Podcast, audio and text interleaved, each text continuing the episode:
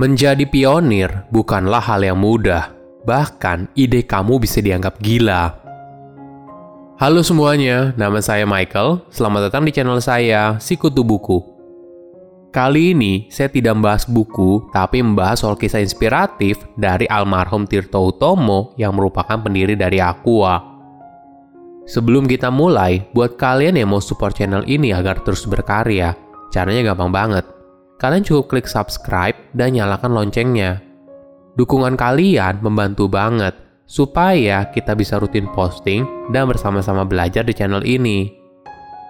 Tirto Utomo lahir pada tahun 1930 di Wonosobo, Jawa Tengah. Setelah lulus sekolah, dia melanjutkan kuliah di program ekstensi Fakultas Hukum Universitas Gajah Mada, Surabaya Sambil kuliah, Tirto juga bekerja sebagai wartawan di Jawa Pos. Walaupun begitu, dia berhasil lulus dalam waktu kurang dari 4 tahun pada tahun 1954. Setelah lulus, Tirto pun melanjutkan pendidikannya lagi di Fakultas Hukum Universitas Indonesia di Jakarta. Tirto adalah seorang pekerja keras dan karakter itu sudah tercermin ketika dia muda. Dengan sepeda ontel, Tirto berkeliling kota Surabaya untuk mewawancari berbagai narasumber. Karir jurnalistik Tirto pun terus berlanjut setelah lulus kuliah. Dia kemudian pindah ke Sinpo, media masa nasional yang cukup berpengaruh pada masa itu. Di sana, karirnya cukup gemilang, hingga Tirto mampu menjadi pemimpin redaksi selama lima tahun dari tahun 1955 hingga tahun 1959. Tirto pun punya pemikiran lain atas tujuan hidupnya di masa depan. Setelah lulus dari Fakultas Hukum di Universitas Indonesia, Tirto ingin bekerja sesuai pendidikannya, yaitu sebagai ahli hukum. Itulah yang membuat Tirto akhirnya memutuskan untuk pindah profesi.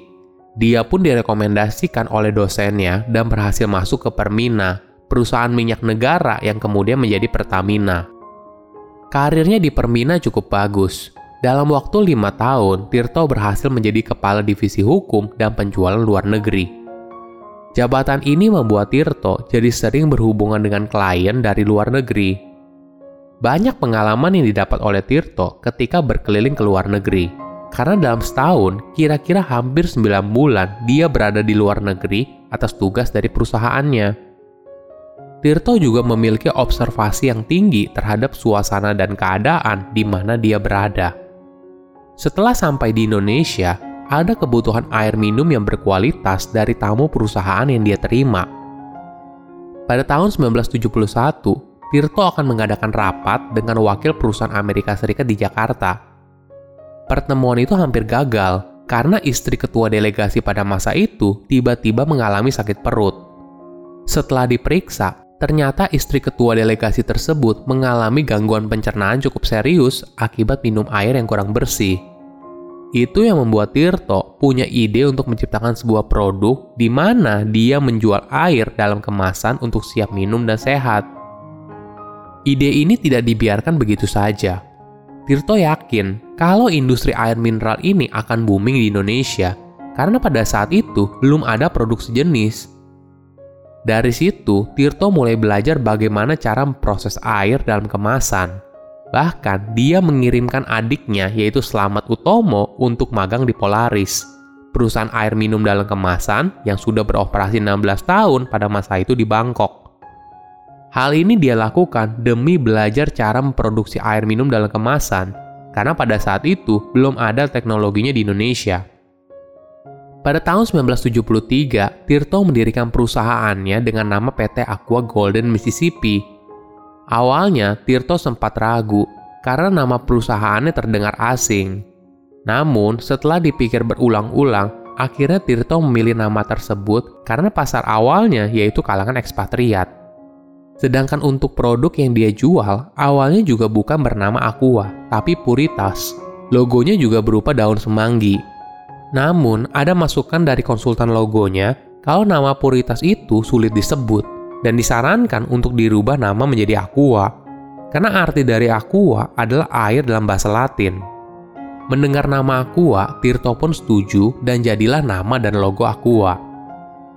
Saat awal produksi dan berjualan Aqua pada tahun 1974, penjualannya kurang baik.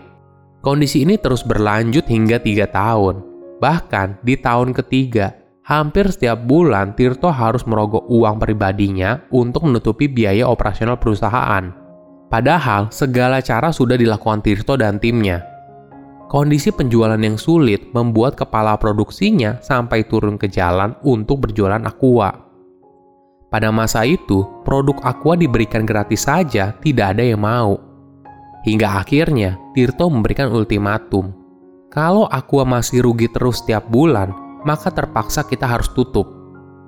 Saat itu, penjualan aqua yang sulit karena pasar belum teredukasi soal air minum dalam kemasan. Bahkan, ketika menjual aqua ke konsumen secara door to door, banyak orang merasa aneh, kok berjualan air?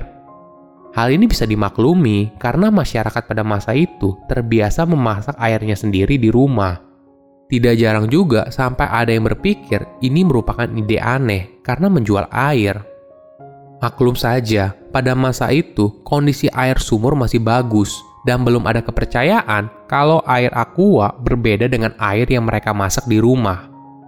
Hingga pada suatu rapat, ada sebuah ide yang nyeleneh ada usaha untuk menaikkan harga Aqua menjadi produk premium agar bisa menutupi kerugiannya selama ini. Usulannya tidak tanggung-tanggung, yaitu menaikkan harga Aqua menjadi tiga kali lipat dari harga semula. Anehnya, ketika dinaikkan harganya, penjualannya bukannya turun, malah naik pesat. Setelah dianalisa, barang kalau dijual terlalu murah, konsumen malah tidak percaya. Dengan harga yang tinggi, kepercayaan konsumen mulai tumbuh. Itulah titik balik pertumbuhan Aqua. Saat itu, fokus utamanya yaitu menjual kepada orang kaya dan ekspatriat yang tinggal di Indonesia. Ada cerita unik lain ketika menjual Aqua.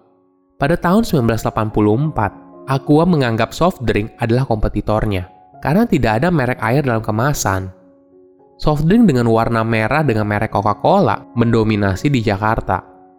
Tirto saat itu berpikir, bagaimana caranya agar Aqua bisa bersaing.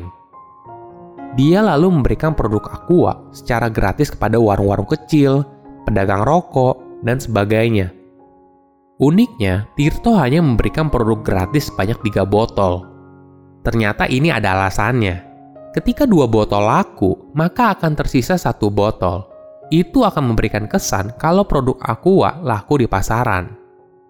Strategi ini ternyata berhasil untuk mengubah persepsi soal Aqua. Dari yang awalnya mencibir hingga konsumennya pernah disebut sebagai anak botolan bagi masyarakat pada masa itu. Aqua juga konsisten memposisikan mereknya sebagai air minum sehat sejak pertama dijual. Apabila mau sehat, maka minum Aqua daripada minum air yang dimasak sendiri. Pelan-pelan kesadaran masyarakat soal kesehatan meningkat Inilah yang buat produk Aqua menjadi laku. Bukan hanya bagi kelas premium, tapi juga masuk ke kelas masyarakat biasa.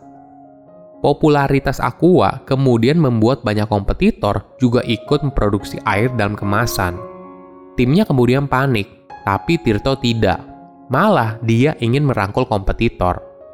Bagi Tirto, dengan adanya kompetitor, maka industri air dalam kemasan akan semakin maju kompetitor akan membuat masyarakat jadi bisa menilai mana air minum yang bersih dan sehat.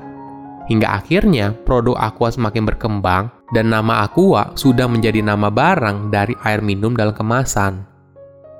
Dari kisah Tirto Utomo, ada beberapa pelajaran yang menarik. Pertama, jadi pionir tidak mudah. Menjadi yang pertama bukan berarti langsung sukses Perjuangannya sangat berat untuk meyakinkan konsumen kalau produknya merupakan air sehat.